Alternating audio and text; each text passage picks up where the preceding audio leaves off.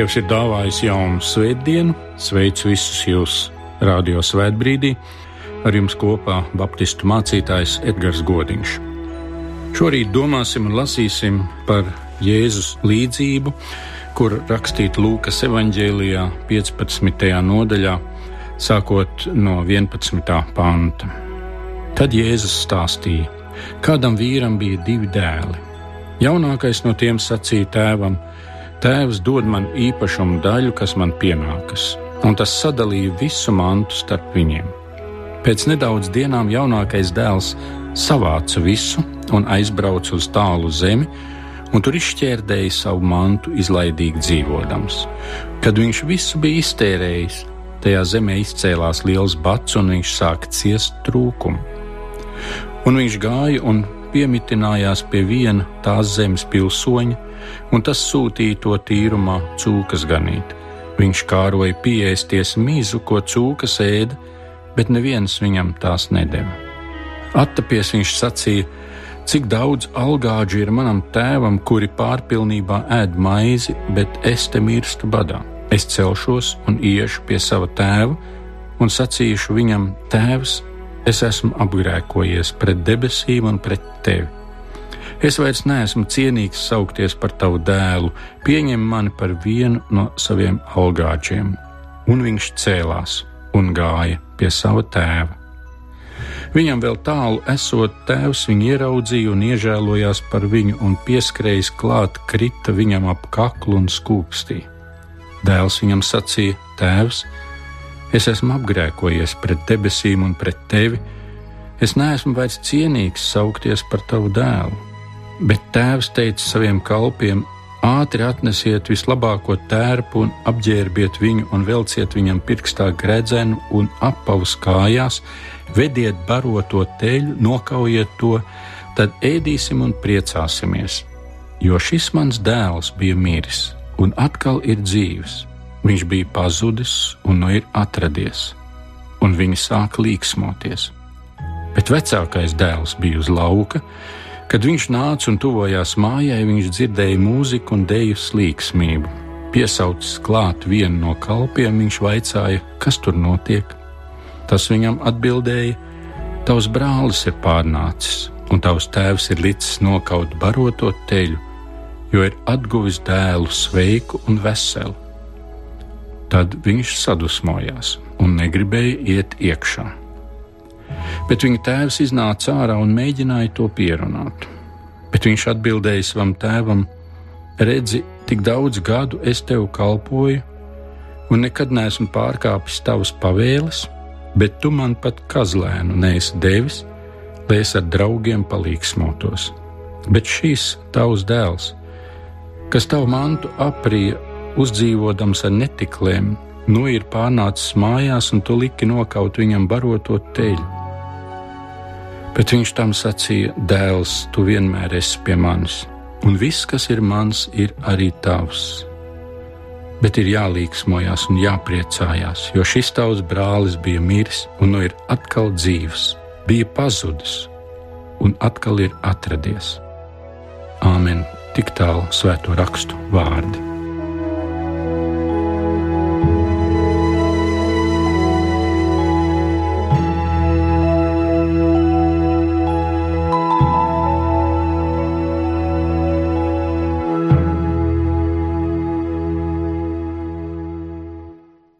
Jēzus nāca pasaulē, lai glābtu. Glābējs ir galējā forma cilvēku vajadzībās. Glābējs nav vajadzīgs, ja pakrīt, nav vajadzīgs, ja ceļā sabojājas automašīna. Glābējs ir vajadzīgs absolūti kritiskā situācijā, kur bez palīdzības no malas nav nekādas iespējas izglābties kā no kuģa iekritušajam jūrā nakts tumsā, un kuģa ļaudis to neman un aizbrauc tālāk. Tur vajag glābēju. Vai ar pasauli ir tik slikti, ka vajag glābēju? Jēzus par to stāsta šo līdzību. Visa 15. nodaļa ir pazudušo nodaļa. Pazudusi avs, pazudis grasis, pazudis dēls. Pazudis tas nozīmē nav savā vietā. Vienalga, vai tā ir lieta vai cilvēks ar viņu nevar rēķināties. Viņš nav tur, kur viņam ir jābūt. Cerības pievilktas, investīcijas zudušas. Pazaudētais zaudē arī pats savu vērtību. Un tas sliktākais bieži pazudušais nemaz nezina, ka ir pazudis. Nemaz neapjauš, ka izglābtajam viņam paveras pavisam cita dzīves kvalitāte. Jēzus stāsta līdzību, kuru mēs jau izsenis tik labi pazīstam. Šis dēls, nācis no labas ģimenes, izvēlējies savu dzīvi noteikt pats, un tā nonācis līdz dzīves bankrotam. Tad atnāk doma, kas visu izmaina. Es iešu atpakaļ pie tēva. Tēvs viņu mīļi sagaida un rīko svētkus. Viņa brālis katru dienu uzticīgi izgājis tēva īpašumā strādāt, bet dzirdot, ka jaunākajam brālim pārnākot tēvs rīko svētkus, viņš ir tik saērcināts, ka nevēlas piedalīties. Kas bija tie, kurus Jēzus apzīmēja ar šiem dēliem? Tie bija tie, kas reiz kļuvuši par dieva bērniem, dieva ģimenē, un tad vieni dzīvo grēkā, un otri uzticīgi kalpo dievam. Cik žēl, ka tie, kuriem dievs nav vajadzīgs, ka viņi ved savu dzīvi pretī bankrotam, tie ir pazuduši, jaunākie dēli. Un cik žēl, ka vecākā dēla domas par dievu bija: Es tev esmu kalpojis, un tu man nēsi devis. Kad es to lasu, man ir tik žēl, ka Jēzus nedeva kādu trešo, kurš izdzīvoja tēva prātu, to, kuram līdzināties, to, kura rīcība būtu paraugs. Žēl, ļoti žēl. Mācīties tikai no negatīvās pieredzes gan nav īpaši jaunās derības garā, jo Kristus parasti aicināja uz kaut ko, nevis dzina prom no kaut kā. Cik žēl, ka nav tas trešais, tas paraugs, bet nu kā ir, tā ir. Ko tur vēl lai saka? Turklāt mēs neesam ne pazuduši, ne skaudīgi. Mums būtu liels prieks redzēt, kā cilvēki nāk ticībā dievam, vienalga kāda ir viņa pagātne. Līdzības ar to ir īpašas, ka tās vienmēr ir aktuālas. Un, ja jautātu Jēzu, vai tu šodien arī stāstītu šādu līdzību, šķiet, ka Jēzus teiktu, diemžēl, jā. Un, ja mēs ieskatītos šodienas acīm, tur ir kādi, kur ir piedzīvojuši Jēzus glābšanu savā dzīvē. Viņi ir priecīgi solījuši Dievam savu uzticību un mīlestību. Viņi ir nākuši kontaktā ar draugu, ar baznīcu. Viņi pilnām tiesībām sevi sauc par Dieva bērniem. Pagātnes grēki nomazgāti, miers sirdī, saņēmuši svētā gara dāvāns un mūžīgās dzīvības cerību, atvērtas lūkšanas durvis uz debesīm un tad nāk dzīve, gads pēc gada.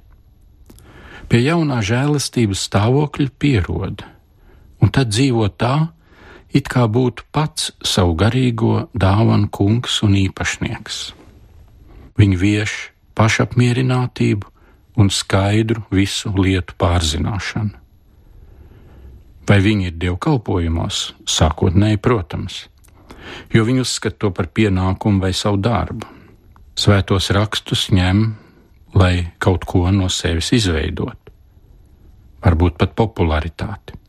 Paši to par savu godīgumu mēru. Viņu moto ir: Es zinu, kas ir pareizi, un tā es dzīvoju, un kuri tā nedzīvo, tie nav mani tuvinieki. Viņi nosprauž skaidras, ētiskas līnijas, drīkst un nedrīkst.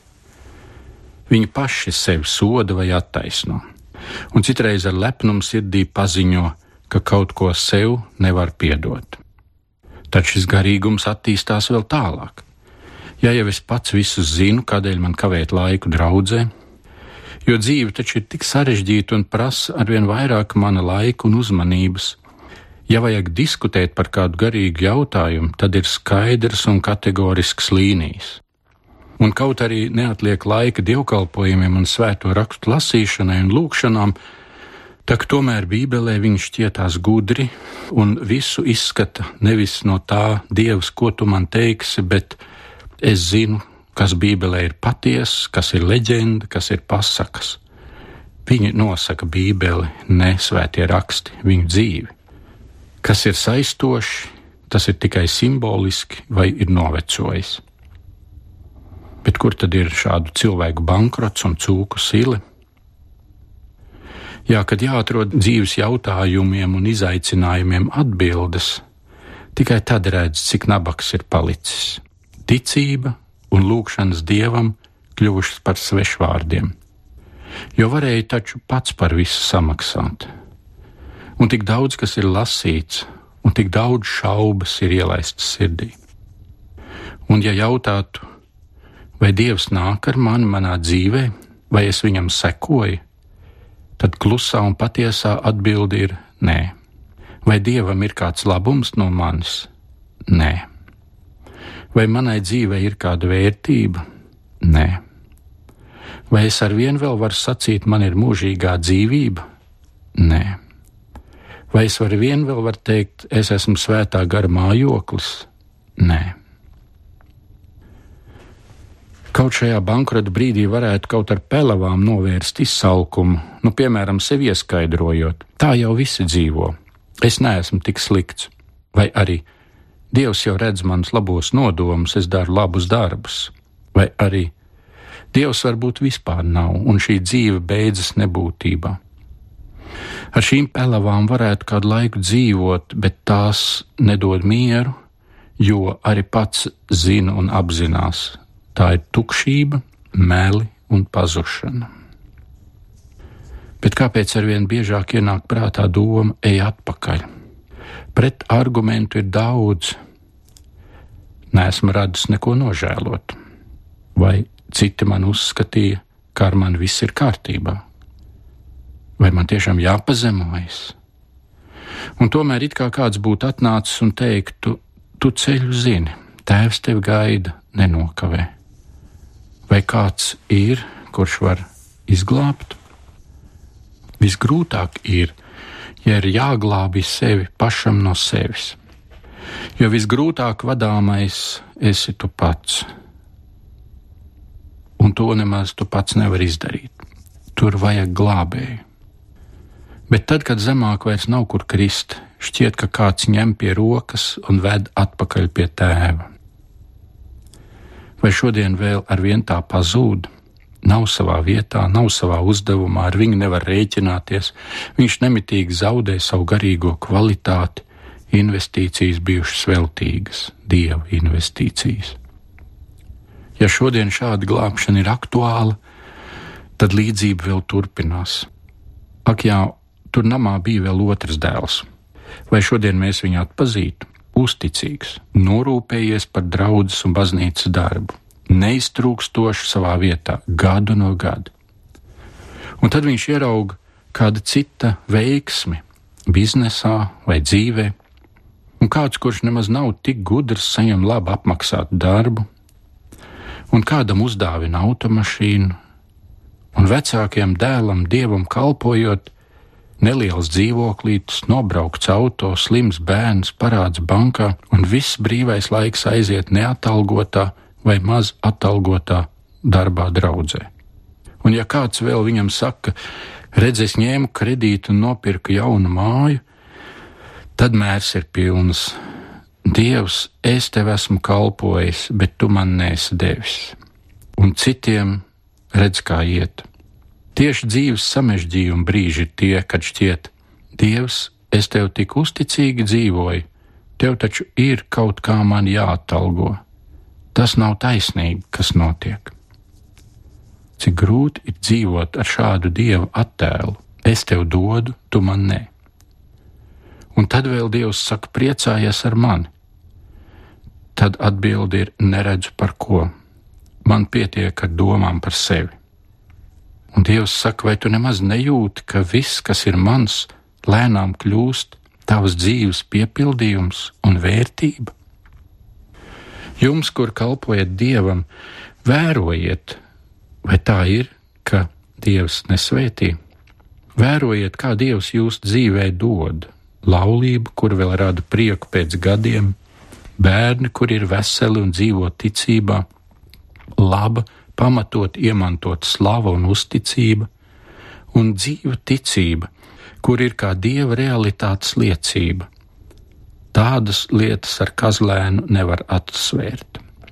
Varbūt nav jaunas markas auto, vai jāsadzīvo ar netik modernu datoru, vai nevar atļauties tālu ceļojumu, bet dzīvojot tā, ka bērni pieaugot lepojas ar saviem vecākiem, ka ticība iet tālāk uz otru paudzi, ka rodas iespēja savus bērnus izglītot, un ka ir pat tik daudz, ka var kādus citus iepriecināt un viņiem dot. Vai tā nav bagātība? Ja var domāt plašas domas, kur centrs un izējas un atgriešanās punkts nav mans ego, tāds vecākais dēls, es tev kalpoju, un tu man neesi devis. Jaunākais dēls, man ir labi ar tavu glābšanu, tālāk es tikšu pats.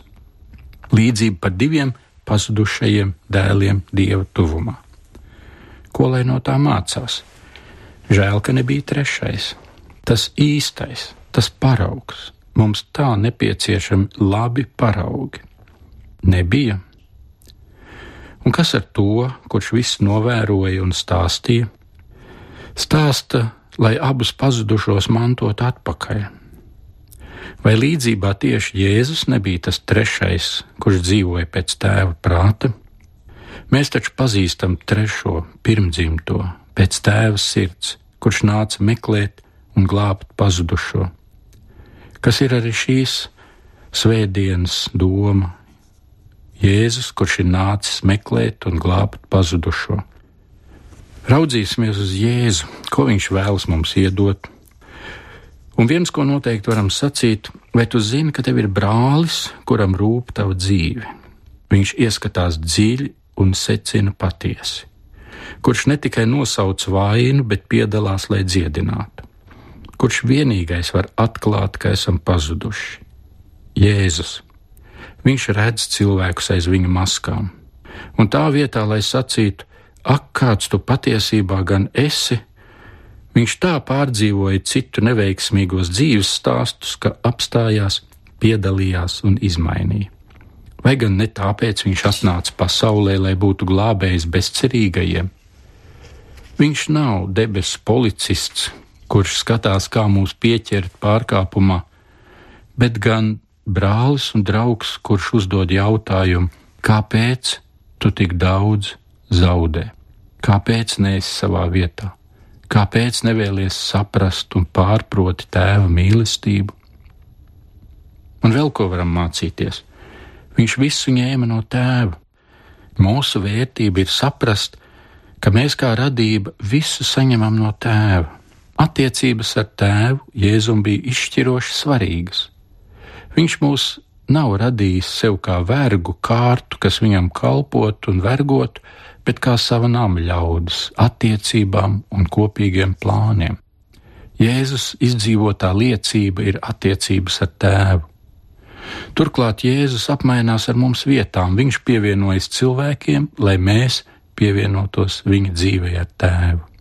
Saņemšana no tēva mūs pārvērš no lepniem, pašpietiekamiem un neatkarīgajiem ego indivīdiem par pazemīgiem, ubagiem dieva priekšā kuriem dievam ir prieks dot un palīdzēt. Attiecības ar dievu ir svētā gara dzīva klātbūtne mūsu dzīvē. Svētie raksti atklāja mums dievu gribu un viņa bagātību mūsu dzīvē. Jēzus stāstīja līdzību, jo viņam sāpēja pazudušo brāļu dzīves. Laikam nekā citādi nevarēja, viņam no debesu godības bija jāatnāk pie tās sīles, kur jaunākais dēls vairs nezināja, kā tālāk. Vai tas nav zīmīgi, ka Jēzus pasaulē ienāca silē? Un cerams, ka viņam izdosies pārliecināt vecāko dēlu atgriezties tēva mīlestībā. Kad atļaujam Kristum noārdīt visus šķēršļus starp mums un tēvu, tad esam glābti, esam savā vietā, tad kļūstam aktuāli. Dievs, kādas ir tavas intereses? ko es varu tev palīdzēt, lieto mani. Un tur sākās katra cilvēka patiesā identitāte. Āmen!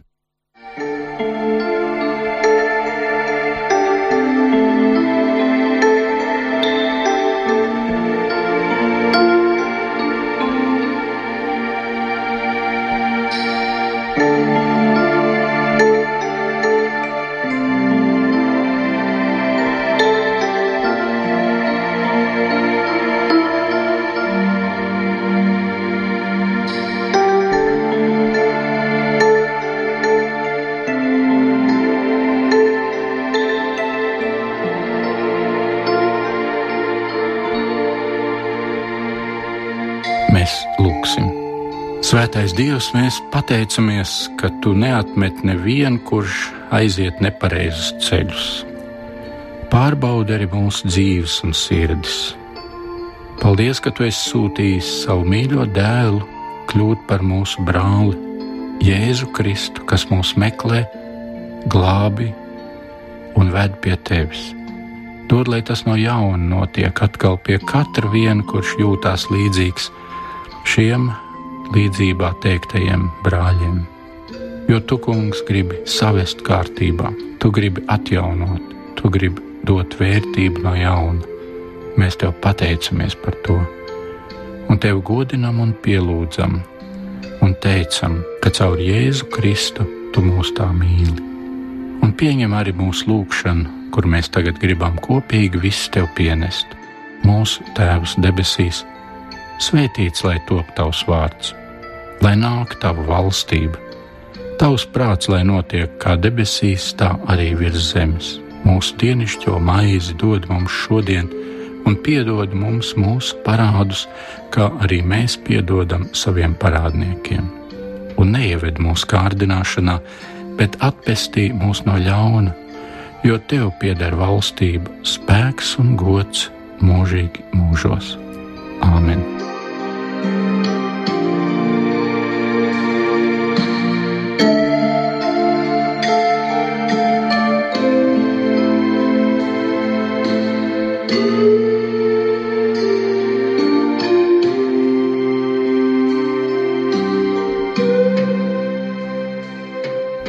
Dievs svētī jūs šajā dienā un turpmākajā dzīvē. Ar jums kopā svētbrīdī Baptistu mācītājs Edgars Godiņš.